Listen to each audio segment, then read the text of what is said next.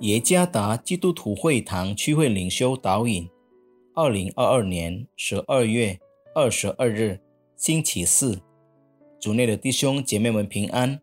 今天的领袖导引，我们要借着圣经启示录五章六到七节来思想今天的主题：神的羔羊。作者和城里传道。启示录五章六到七节，我又看见。宝座与四活物，并长老之中有羔羊站立，像是被杀过的，有七角七眼，就是神的七灵，奉差遣往普天下去的。这羔羊前来，从做宝座的右手里拿了书卷。旧约中，神给以色列民献祭的神学概念是被献。为赎罪祭的牺牲是羔羊，为什么呢？因为羔羊顺服，羔羊通常也被认为是非常软弱的，被认为软弱的，实际上是完全顺服的。这在被称为神羔羊的基督耶稣身上实践了。他被世界称为软弱，其实是虚己。对神完全的顺服。根据圣经导读本的解释，是当其中一位长老叫使徒约翰看犹大支派的狮子时，他看到的是一只羔羊。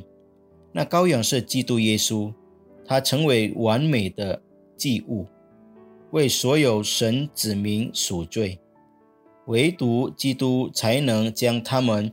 从书卷中描述的可怕事件中拯救出来，这是基督的独特角色。他被称为犹大支派的狮子，带领征战，击败了撒旦的权势。地狱不是用世俗的征战武器，而是牺牲自己作为神的羔羊。使徒约翰清楚的。看见神的羔羊像被杀过的，这意味着基督的得胜是在他为救赎而受判、受折磨，甚至钉死在十字架上的牺牲都应验了。使徒约翰也看到了神的羔羊有七角，代表着完美的力量和能力。尽管他被牺牲了，但。这并不是指他的软弱，而是说明他的能力。此外，神的羔羊有七眼，好比盏灯有一个灵，就是神的灵。神赐给羔羊完全的权柄来打开书卷，作为基督耶稣在上帝面前完美牺牲的最高评价。我们的救赎主耶稣基督是何等尊贵！耶稣透过在十字架上的牺牲、取己和顺服神，彰显了他的能力、救赎的能力。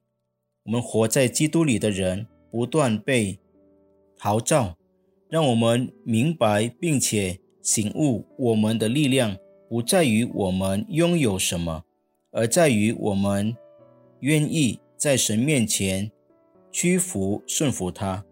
尽管世界看我们是软弱、卑微、无用，但在神的羔羊耶稣基督里，我们确实刚强、有意义、有永恒的价值。